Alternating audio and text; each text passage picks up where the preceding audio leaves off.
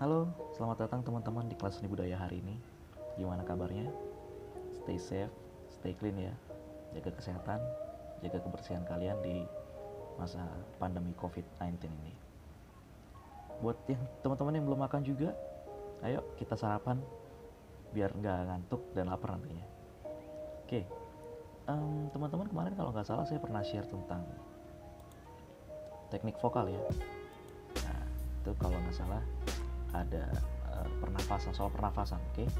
Nah, sebelum masuk ke materi hari ini, saya mau tanya teman-teman tentang kalian tahu nggak sih siapa aja artis Indonesia yang berjaya di era 90-an? Ayo, ada yang tahu?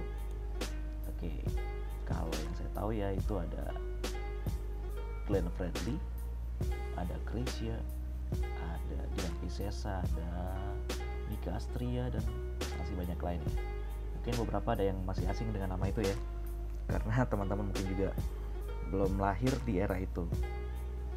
Kalau teman-teman mungkin lahir uh, tumbuh besar di era-era zamannya Chris Patti, uh, Padi, Adam Ben, mungkin lebih lebih ngerti, lebih kenal dengan mereka ya. Oke, nah sekarang kita lanjut ke materinya ya. Hari ini aku mau sharing tentang uh, teknik vokal teman-teman ya. Nah, kalian sekarang boleh ambil bukunya buat yang belum ambil bukunya boleh diambil dulu alat tulisnya juga dipersiapkan untuk kita mencatat hari ini ya. Oke. Nah sekarang aku mau jelasin dulu tentang apa sih itu teknik vokal. Nah, pengertiannya adalah teknik vokal merupakan langkah-langkah yang digunakan dalam pengolahan suara agar baik dan benar sehingga suara yang diciptakan menjadi lebih merdu, jelas, nyaring dan indah. Nah, jadi buat teman-teman mungkin yang pernah mendengar seseorang bernyanyi gitu ya dan um, suaranya kurang merdu, suaranya kurang jelas, suaranya kurang nyaring dan kurang indah, mungkin secara teknik dia kurang begitu menguasai ya. Oke, nah sekarang kita masuk ke jenis-jenis teknik vokal. Nah, teknik vokal sendiri ada lima. Oke, yang pertama adalah artikulasi. Artikulasi merupakan salah satu jenis teknik vokal yang berkaitan dengan jelas atau tidaknya suara yang dihasilkan. Dalam hal ini, artikulasi sangat berpengaruh dengan terjadinya perubahan saluran di dalam ruang dan rongga saluran suara sehingga pelafalan lirik yang diucapkan akan terlihat lebih jelas dan benar. Selain itu, ketika seorang penyanyi memiliki artikulasi yang bagus, dia akan mengerti cara melakukan peralihan nada yang baik dan berkesinambungan antar not satu dengan yang lainnya. Jadi, uh, penjelasannya simpel gini. Uh, teman-teman yang nyanyi itu sering banget uh, missing spelling. Kayak misalkan T itu bisa diucapin jadi kadang-kadang jadi C. Kayak tuh Tuhan tuh harusnya Tuhan maafkan diri ini. Itu itu contohnya Oke kita lanjut lagi ya. Daripada kalian harus dengar suara saya yang kurang bagus. Ada beberapa faktor yang mempengaruhi artikulasi. Di antaranya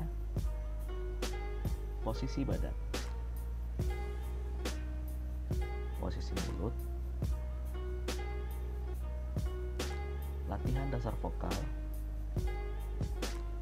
Teknik bunyi vokal Dan teknik bunyi konsonan. Oke lanjut. Yang kedua ada intonasi. Intonasi merupakan salah satu teknik vokal yang berkaitan dengan ketepatan bunyi di setiap nada di mana setiap jumlah suku kata memiliki penekanan yang berbeda-beda. Intonasi yang baik akan membuat seorang penyanyi memiliki suara yang nyaring, jernih, tepat, dan nyaman untuk didengarkan.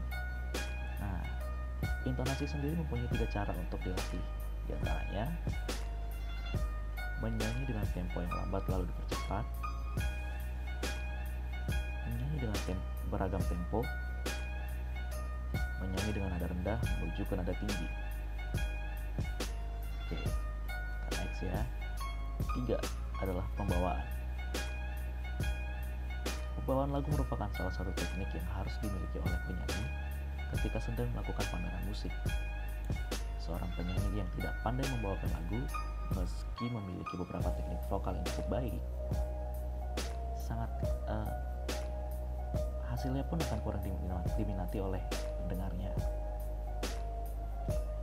Oke, faktor yang mempengaruhi pembawaan lagu di antaranya adalah tema dari lagu itu sendiri, tempo, dinamika, ekspresi, irama, birama, pesan atau rasa, serta gaya menyanyi.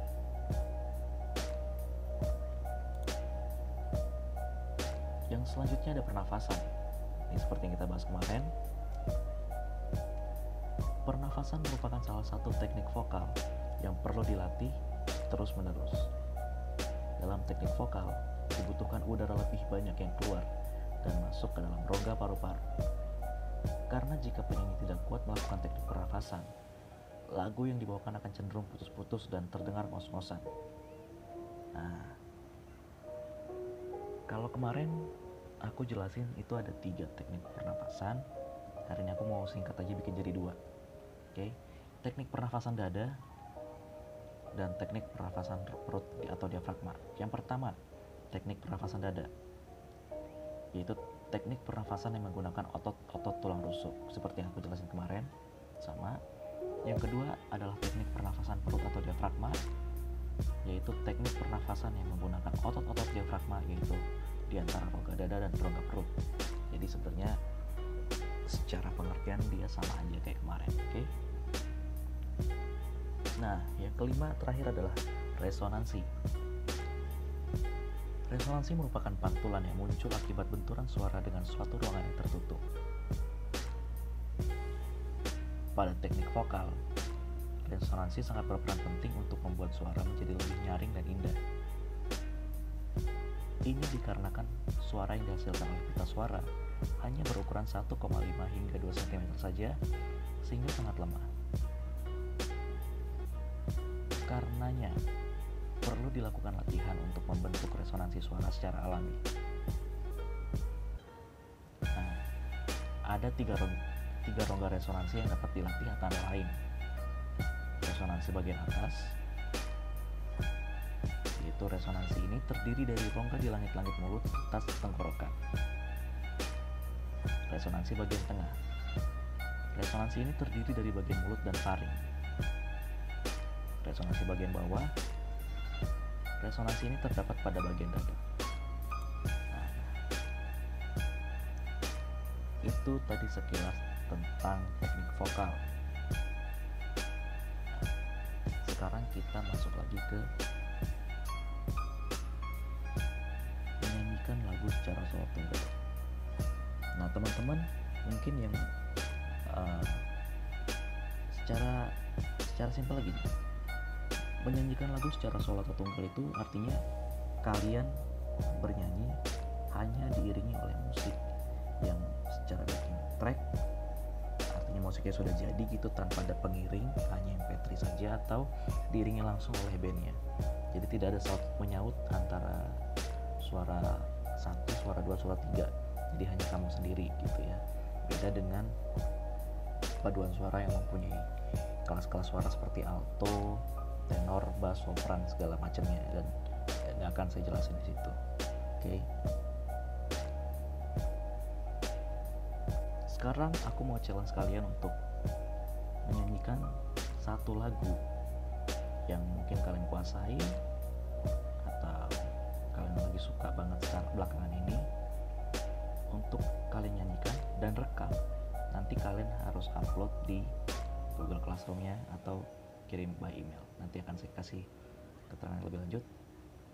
Uh, lihat di Google, Google Classroom-nya aja nanti ya. Oke okay, so itu aja saya dari saya teman-teman. Uh, thank you buat yang udah mau dengerin sampai selesai. Stay safe buat teman-teman yang lain. Stay clean jaga kesehatan jaga kebersihan dan terima kasih